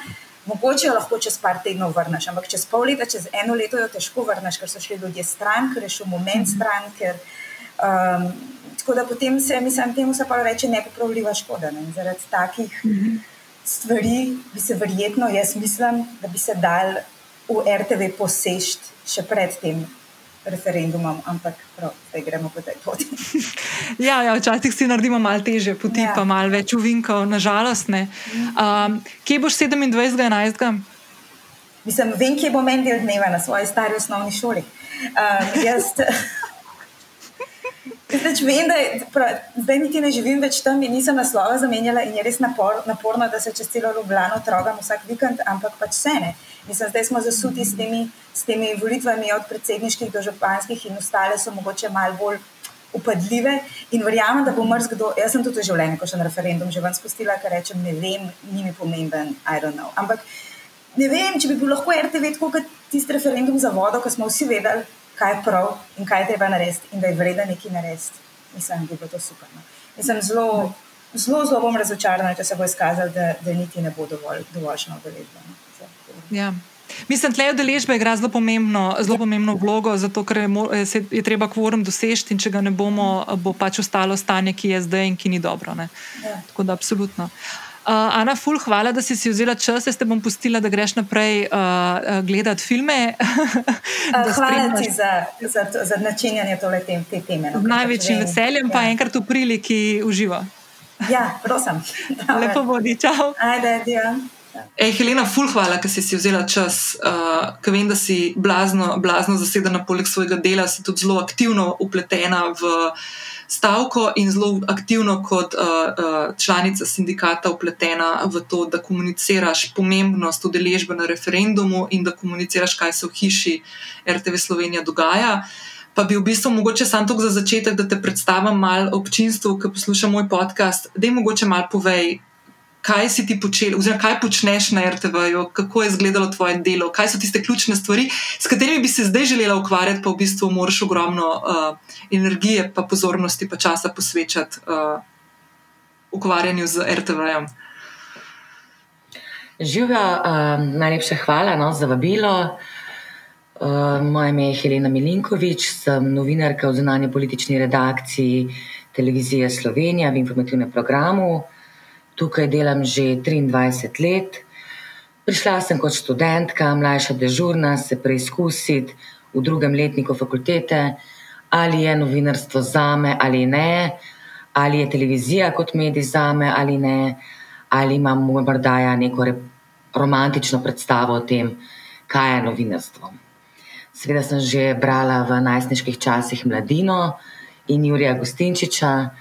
In imela sem to priložnost, ker recimo moji kolegi danes nimajo več spoznati velikega novinarja, veliko novinarsko ime, um, ugledno osebnost, ne na zadnje, uh, Jurija Gostinčiča, ki je govoril tudi tako, kot je pisal. To je recimo bilo eno presenečenje za me. Recimo, da je bil on moj nek novinarski idol ki je bil za me živa enciklopedija, moja živa Wikipedija. Um, kar sem jaz brala v zgodovinskih knjigah, je on živel, tam je poročal. Recimo Češka revolucija je ena taka, um, en tak velik dogodek, ki je spremenil zgodovino. Veliko so se pogovarjali o Rusiji, ker je en del živel svojega življenja v Moskvi. Jaz sem pa potem hodila v Moskvo na obiske in ga so ga zanimale podrobnosti. Danes moji kolegi in mlajši kolegi, ki začenjajo svojo novinarsko kariero, te priložnosti nimajo. Nimajo priložnosti, da bi se, uh, da bi uresničili svoj, svoje znanje, svoj kreativni potencial, ker so razmere kaotične, slabe. Informativni program se je začel uničevati z sprejemom programsko-produkcijskega načrta lansko leto. izbrisane so bile številne oddaje, ki so bile priljubljene pri gledalcih, pri strokovnjakih, tudi imele so ugled, odkrivale in razlagale so ta svet. Zdaj je čas, v katerem lahko gledalce informiramo, vsaj na televiziji, eh, Slovenija v informativnem programu omejen. Manj je zunanjih političnih tem, manj je terenov, ali pa morda niso ti, manjkajo recimo mednarodna obzorja, dosjeji, to so 50-minutni um, dokumentarci, ki morda ne grejo toliko v zgodovino, ampak razlagajo fenomene, ki se dogajajo. Um, v tem času sem na televiziji v informativnem programu od mlajše dežurne prišla do novinarke, novinarke, komentatorke. Eno obdobje sem vodila tudi in urejala oddajo Globus.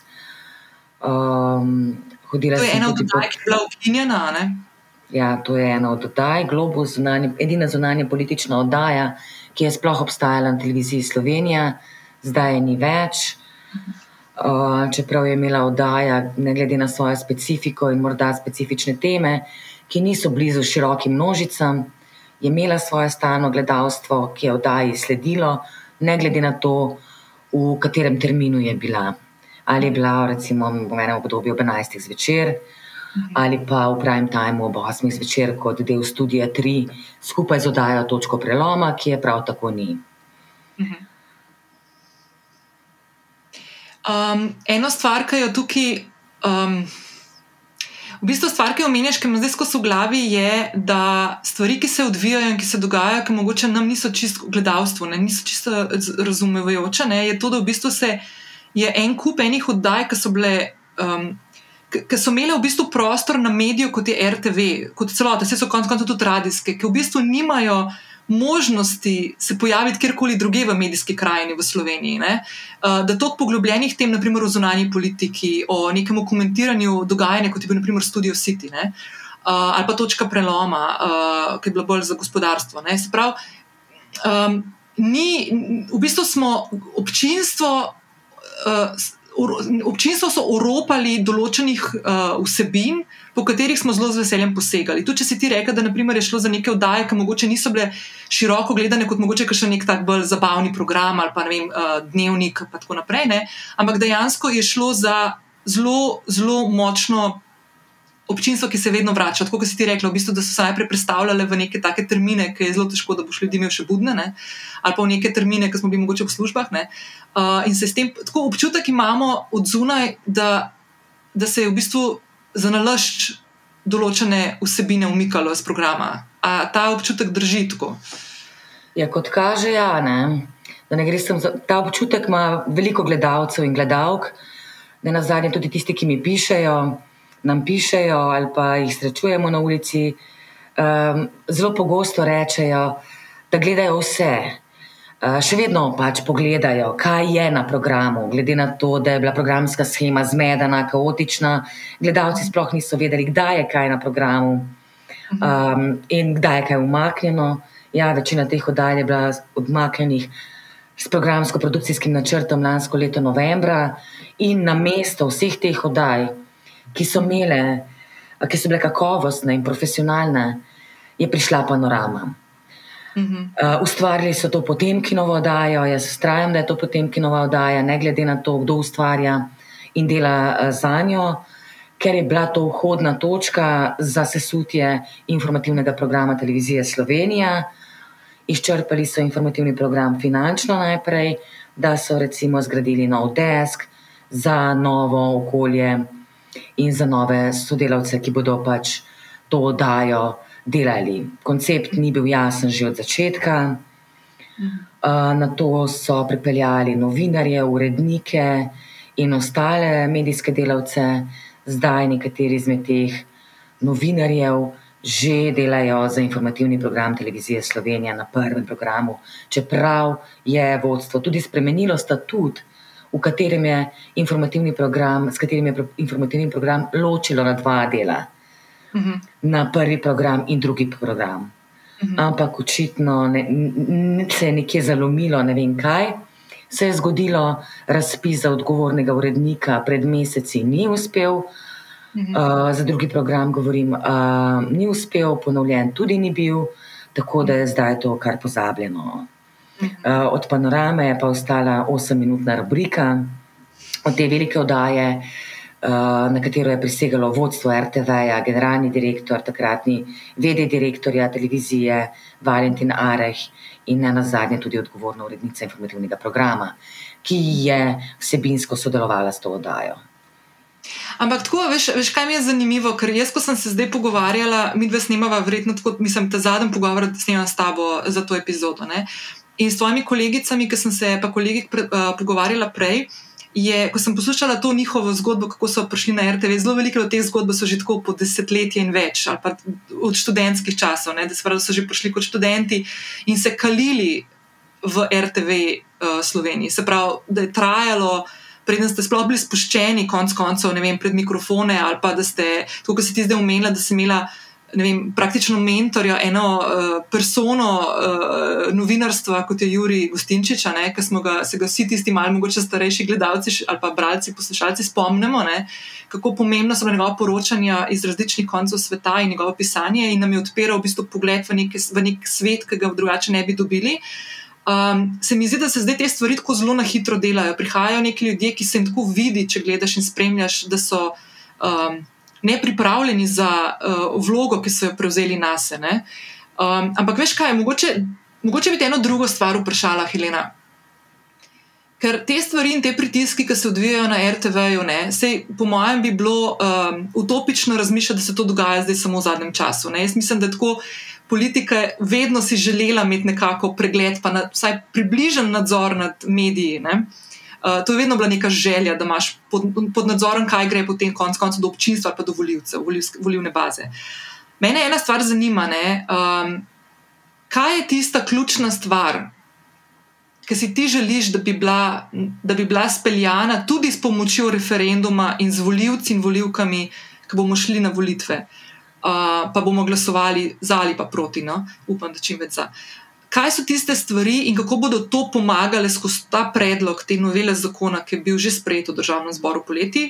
Mm, kaj so tiste stvari, ki bi dejansko vam, novinarjem, novinarkam, urednikom, urednicam, sploh informativnega programa pomagale pri vašem delu in konec koncev pri vsebinah, ki jih pa pripravljate naprej za nas? Um, ja, prav imaš. Uh, politični pritiski na novinarje se odvijajo vse čas, takšni ali drugačni. Um, občutimo jih na tak ali drugačen način, ampak še nikoli do zdaj pa ni neka politična opcija želela prevzeti medija in ga uničiti. To je ta problem zdaj političnega pritiska, da ni zdaj neki poslanec ali nekdo, ampak poslanec je nekdani določene stranke, sedi zdaj v programskem svetu, v nadzornem svet, svetu, uh, določene politične opcije z imenovanjem svojih svetnikov, prevzela večino, med njimi ni medijskih strokovnjakov, ne poznajo novinarskega kodeksa, pa nas dnevno ocenjujejo.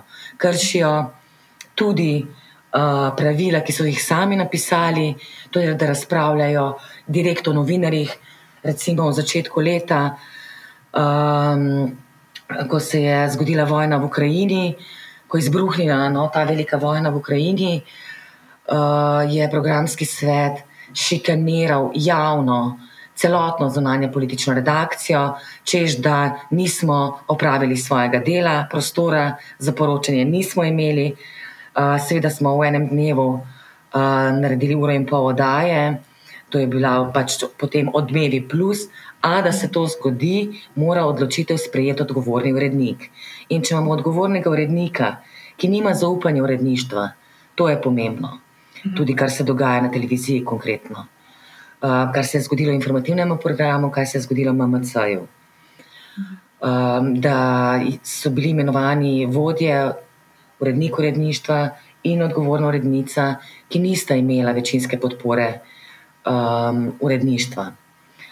Ta zakon prinaša tudi depolitizacijo, vrača javni interes. Seveda, garancij ni, da bo kakšna politična opcija, pa vendarle čez zadnja vrata prišla morda čez olimpijski komitej ali ne vem kaj. Ampak uh, mi ustrajamo na etičnosti, mi ustrajamo na profesionalizmu, ker brez integritete ne obstajamo. Ne? Smo samo propagandisti ali medijski plačanci, um, sicer smo pa novinari. Mi sprašujemo, analiziramo in kritično ocenjujemo. Da bi pa to lahko počeli, ne samo mi v informativnem programu, ampak tudi v drugih uredništvih. Uh, ljudje se pritožujejo, želijo več vsebin, recimo razvedrilnih ali glasbenih, pa prostora za to ni ali posluha. Tudi za mlade, recimo, ne, bi si želeli še kakšno oddajo več. Upokojenci, različne skupine, vsak ima svoj interes. Seveda ni mogoče zadovoljiti dvem milijonom interesov, koliko nas je pač v tej državi, ampak večini, večini krajev, regionalni centri so pomemben del RTV-ja, predvsem za ljudi, ki tam živijo. Dopisništvo v tujini in doma so zelo pomembna. To je direkten stik novinarja uh, s terenom in z ljudmi, ne samo z uh, političnimi palačami in sobanami. To je bistvo tega. Uh, bistvo zakona pa je, da umika in da odpravlja sedanjo sestavo programskega in nadzornega sveta in več uh, mest v tem program, novem programskem odboru daje zaposlenim. Jaz, kot predsednica sindikata, sem prepričana, poznam večino ljudi, ki delajo na RTV-ju, spoznala sem jih zdaj čez sindikat še več, čez stavko enako. Uh, to so profesionalci, so strokovnjaki na svojem področju žal znanje izginja tudi z upokojevanjem in prečasnim upokojevanjem, zapuščajo nas starejši sodelavci, ki nimajo še polnih pogojev, ker preprosto ne zdržijo več v teh razmerah. Šikaniranje je dnevno ali je javno na Twitterjih, na Facebookih, na sestankih, po elektronski pošti, po sporočilih. Um, nadrejenemu se ne zdi problem, da recimo voditelju po oddaji živo pošlje SMS sporočilo tudi sredi noči. Mhm. To je pač tudi en del nadlegovanja, ali pa recimo, da nekdo dobi elektronsko pošto, da je premeščen uh, na božični večer. Mhm. To so stvari, ki jih doživljajo posamezniki, ampak vse to se odraža tudi potem, seveda, pri našem delu.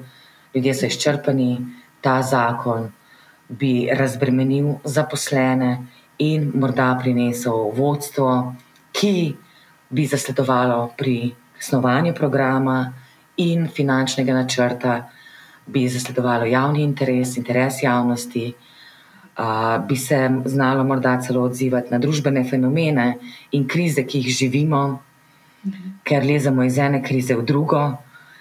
Javna radio televizija je tista, kjer je prostor, da daje ta javni prostor razpravam, tem stiskam. Hvala vsem, no, to smo videli recimo v pandemiji. Uh, to je bilo pred, preden je to vodstvo prevzelo javni RTV. Um, to je dokaz, da znamo delati in da nam javnost zaupa. Ravno v času pandemije je javni radio televiziji zaupanje zraslo, naraslo, javnost nam je ploskala, nas je bodrila, ko so pred vrati protestirali rumeni jopiči in OPS, ki so na to nasilno udarili v studio odmevov. To vse se nam je zgodilo v zadnjih dveh letih. Uh, veliko, v bistvu je že to ena nova zgodovina javnega RTV-ja, ampak priložnost referenduma je tudi priložnost za vseh, vse volivne upravičence, da pridejo in tudi ne na zadnje povejo, kakšen RTV si želijo naj ne nasedajo propagandistom in manipulatorjem, naj se informirajo. Mi smo se kot koordinacija pridružili kot prijatelji tudi strokovni koaliciji, uh, PIC-u, Pravno-informacijskemu centru, Društvu novinarjev, Zavodu Open in pa Birovnemu inštitutu, ki so pač ta strokovna koalicija, poleg inštituta 8. marec, ki zdaj na terenu razlagajo pomen javnega RTV-ja. Vabim vas, da pridete na okrogle mize, po celi Sloveniji so pogovori z zaposlenimi, uh, ali pa bodo tudi publiki, tisti, ki se nam želijo izpostaviti. Vprašajte jih direkt. povedali bojo, čeprav nastopamo, delamo na javnem mediju, na radiju in televiziji, smo vseeno malo introvertirani, ne radi, nimamo radi preveč pozornosti, ampak na voljo smo vsem. Mislim, da je referendum priložnost, da se pač Slovenija sama odloči, kakšen javni medij hoče, kakšno demokracijo ne na zadnje hoče in ali hoče svobodo govora ali ne, ali hoče medij, kjer bodo vsebine cenzurirane. Ej, ful si to zdaj dobro povedala, ker ene par stvari sem jaz že v vodu te epizode povedala. Um, jaz sem povedala, kako bom jaz glasovala, dala možnost ljudem, da tudi konec koncev skozi te pogovore, ki so nanizani v tej epizodi, uh, se, po, po svetu, se pozanimajo, prisluhnejo in se potem na koncu odločijo. Uh, ena stvar, ki sem jo tudi izpostavila, je pomen medijev, ki se je sploh pokazal v zadnjih dveh, treh letih, sploh v času pandemije, kaj to pomeni, če imaš močne.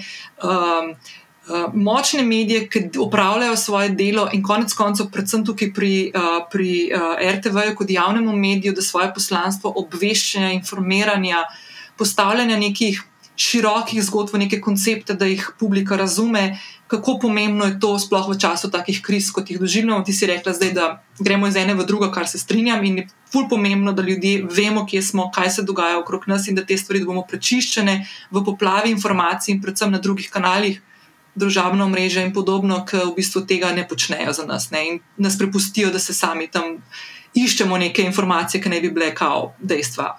Pa ne znamo ločiti med mnenji in dejstvi. Druga stvar, ki bi pa mogoče še povedala. Da v celem naslednjem tednu, če to poslušate v realnem času, se bodo odvijali dogodki. Jaz bom polinkala tudi 8. marec, ki je tukaj mogoče najbolj aktiven in najbolj zbira uh, na en kup uh, informacije, kje se kakšne stvari dogajajo. Uh, Uh, jaz sem imela priliko, glih prejšnji teden, uh, se v celju ustaviti, ker sem videla, da boste in sem do tebe tam srečala na, na trgu uh, zraven železniške postaje in sem full vesela, da se te stvari dogajajo, da ste tudi vi tisti, ki tam hodite in, in, in se pogovarjate z ljudmi. Ker se mi zdi, da to. Kaj nekako pri njih volitvah, ne? več rok, ki stisneš, več obrazov, ki srečaš, na koncu to ful pomeni in se to razprši naprej po njihovih kanalih. In ljudje delijo potem te izkušnje naprej s svojimi krogi bližnjih. Ne. Ja, Malo se kdo od mojih kolegov ne more poročati, tako kot bi lahko, ne, na drugih zadevah, kot so referendumi. In je to pač uh, naša odločitev, da gremo med ljudi. Ne na zadnje, tudi je to uh, izkaz naše hvaležnosti vsem, ki žrtvujejo svoj čas, prostovoljkam in prostovoljcem, torej, ki mobilizirajo javnost in državljane, naj grejo na referendum, naj oddajo svoj glas. Ker če si želijo direktne demokracije, je to direktna demokracija.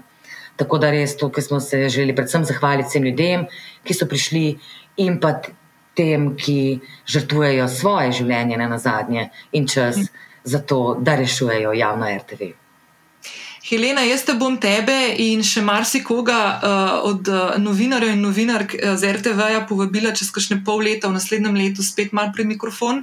Jaz si fulj želim, da se bomo takrat pogovarjali o drugih stvarih, ful si želim, da se bomo takrat bolj, bolj, bolj osredotočili in posvečali temu, da se ugled, ki je bil zdaj zelo ranjen v zadnjem času, RTV kot javne, javnega medija, ki, katerega poslanstvo je, da dela za ljudi, za vse državljane in državljanke, da nas obvešča, uh, informira, konec koncev tudi zabava, um, izobražuje, da uh, bom tudi jaz, kjerkoli bom lahko pomagala, da se ta ugled nazaj začne postavljati, ker je to ena pomembna bitka, naslednja, ki bo. Uh, jaz verjamem, da bomo uspešni na referendumu in da naslednja stvar, ki čaka vse skupaj, da postavimo RTV tam, kjer je nekoč bil, pa mogoče še malo više. Da, hvala, Dina. Hvala tebi, ful, hvala za vse, kar počneš kot državljanka. Se ti ful zahvaljujem uh, in slišim in vidim, kaj počnete. In hvala, hvala še enkrat za tvoj čas. Hvala vsem, srečno. Hvala, da si ostala, oziroma ostal z mano do konca.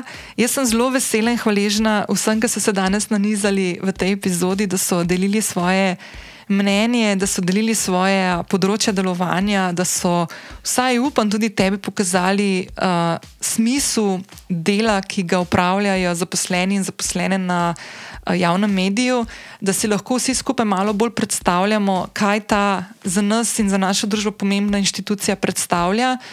Um, res se mi zdi ful pomembno, ker so se stvari tako v zadnjem času zožile, da poslušamo samo o tem, kakšna poročila bomo poslušali.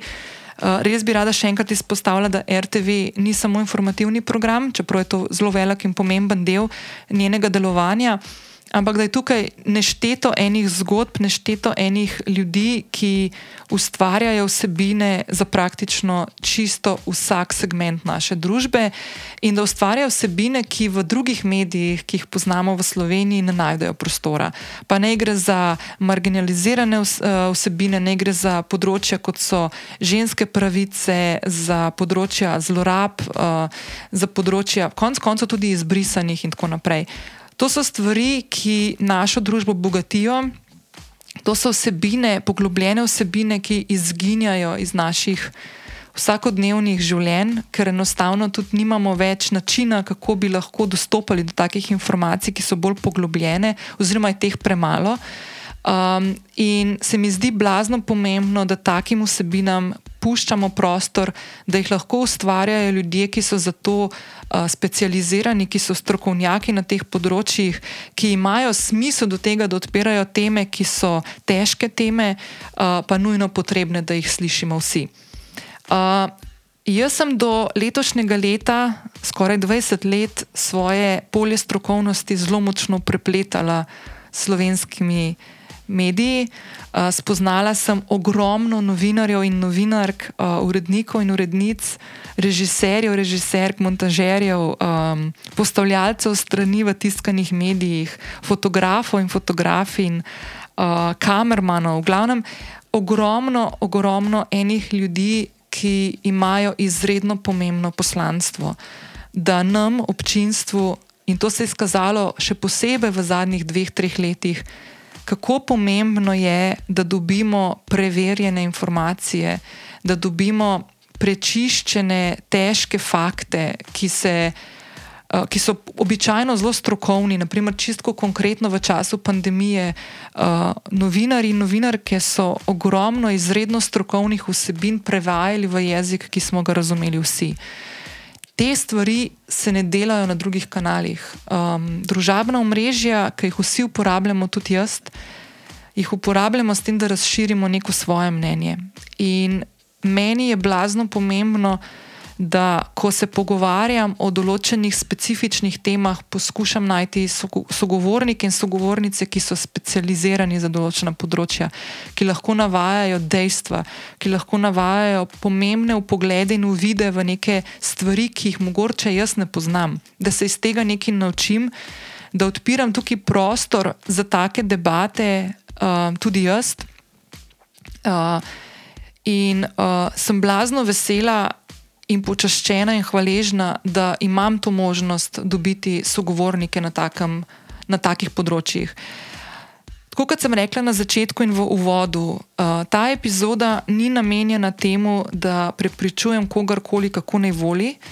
Uh, tudi jaz ne maram poslušati, uh, kako naj se odločam in kaj naj obkrožim, in mislim, da je od vsakega od nas, um, na, na vsakem od nas je, da sprejme odločitev. Smo vsi, ki volimo, smo uh, polnoletne osebe, ki sprejemamo svoje odločitve in tako je prav. um, se mi pa zdi pomembno, da se v določenih stvarih podučimo, da prisluhnemo ljudem, ki imajo več znanja kot mi sami na določenih področjih, da si ustvarimo potem iz tega neko svoje mnenje in da imamo občutek, ko se podamo na volišče, da sprejmemo neko odločitev, ki je bila odločitev premisleka. Uh, meni se zdi, in tudi jaz veliko krat padem v to luknjo, moram priznati, da pogosto ali pa prepogosto v preteklosti, pa predvsem, sem sprejemala določene odločitve, zato ker sem prisluhnila neki, nekemu mnenju ali pa nekim informacijam, ki so, me, ki so bile meni nazorsko blizu. Meni se zdi zelo lepo in pomembno, da prisluhnemo. Um, mal širši, širšemu uh, informacijskemu polju, ne samo tistemu, ki nam je uh, bližje. Um, in da poskušamo ugotoviti in, in, in dešifrirati, kaj se nam zdi pomembno. Če želimo to narediti, se moramo pozanimati o stvarih. Uh, ni dovolj, da preberemo en članek, ni dovolj, da pogledamo eno Facebook objavo ali da poslušamo enega človeka. Um, konkretno, ko govorimo o, in jaz sem se z razlogom danes osredotočila na polje, ki ga jaz tudi malo bolj poznam, to so mediji uh, in RTV. Um, se mi zdi blazno pomembno, da se da glas in da se prisluhne tistim ljudem, ki tam delajo in to ustvarjajo iz dneva v dan. Uh, ker najbolje vedo, kaj so tiste ključne stvari, ki, jih, ki so jih počeli, ki so se obnesle, kaj so tiste stvari, ki jih konec konca tudi občinstva, ki se odzivamo na njihovo delo, želijo. Um, jaz mislim, da si vsi želimo živeti v družbi, kjer bodo mediji upravljali svojo primarno funkcijo, poleg tega, da bdijo nad um, delom ostalih vej oblasti, da tudi informirajo, da nam um, pošiljajo vsebine, ki bogatijo naše razmišljanje, in konec koncev, zelo veliko krat tudi vzgajajo naše otroke. Uh, jaz si ne predstavljam, verjetno nisem edina, ki sem preživela vsako nedeljo zjutraj ob živžavu ali pa, ali pa gledala številne uh, mladinske programe, ki jih ustvarjajo na RTV Slovenija uh, ali pa pravljice radijske. Tako da zdi se mi, da se res premalo v naši družbi pogovarjamo o tem, kaj nam ta uh, inštitucija uh, RTV Slovenija ponuja. Uh, ni veliko držav na svetu, ki se lahko pohvalijo s tako uh, medijsko hišo, uh, in mislim, da je prav, da jo poskušamo mi, ki, uh, katerim so te vsebine konec koncev tudi namenjene, zaščititi. Tako da, kot sem rekla, ne želim nikogar prepričevati, želim vam ponuditi informacije, želim vam ponuditi ljudi, ki lahko spregovorijo o svojem delu, tako kot sem jih danes, ko so se nanizali v tej epizodi. In predvsem želim odpirati to polje diskusije o tem, kakšna je vloga medijev in zakaj so mediji pomembni. Jaz sem na tem podkastu že kar nekaj uh, kolegov, novinarjev in novinark gostila v preteklosti. Takrat smo se zelo veliko pogovarjali, ko je bila problematika podpiranja slovenske tiskovne agencije. Uh, danes govorimo o, o RTV, mogoče bomo naslednji, naslednje leto govorili o kakšnem drugem mediju. V interesu vseh nas bi moralo biti, da imamo močne, uh, čim bolj neodvisne medije, uh, ki nam dajo čim bolj kakovostne vsebine, preverljive vsebine, s katerimi osmišljajo konec konca tudi naš svet in nas učijo o stvarih, o katerih drugače uh, ne bi vedeli. Uh, še enkrat te vabim, da skočiš na povezavo na moji spletni strani, kjer te čakajo dodatne informacije in predvsem tudi informacije o tem, uh, kako se lahko udeležiš letošnjega uh, referenduma, referendumske nedelje.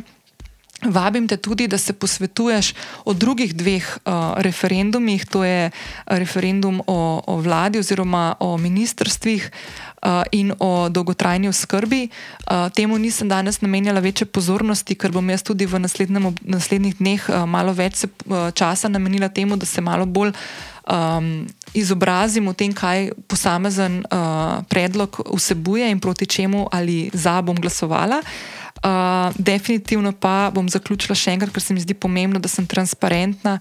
Uh, referendumsko vprašanje glede RTV-ja bom jaz obkrožila za, uh, zato ker se mi zdi pomembno, da ohranimo to inštitucijo v takšni vlogi in v tem mestu, kot je bila konec koncev tudi ustanovljena. Hvala še enkrat, ker si bila oziroma bil z mano do konca. Hvala vsem, ki ste sodelovali pri pripravi te, te epizode. Maruši se bom, ker reci z uh, Vala 202 se bom posebej zahvala, ker mi je pomagala zbrati in uh, poiskati sogovornike in sogovornice. Pa je bila tudi že gostja v tem podkastu, bom polinkala v zapise epizode. Skratka, bodite fajn. Um, Pejte na volitve, pejte na referendum, obkrožite tisto, kar se vam zdi za vas najbolj pomembno, in obkrožite z zavedanjem, da ta odločitev pomembno vpliva na to, v kakšnem svetu in v kakšni družbi bomo v prihodnje živeli. Lepo se imejte, vse dobro in se slišimo naslednji teden. Čau, čau!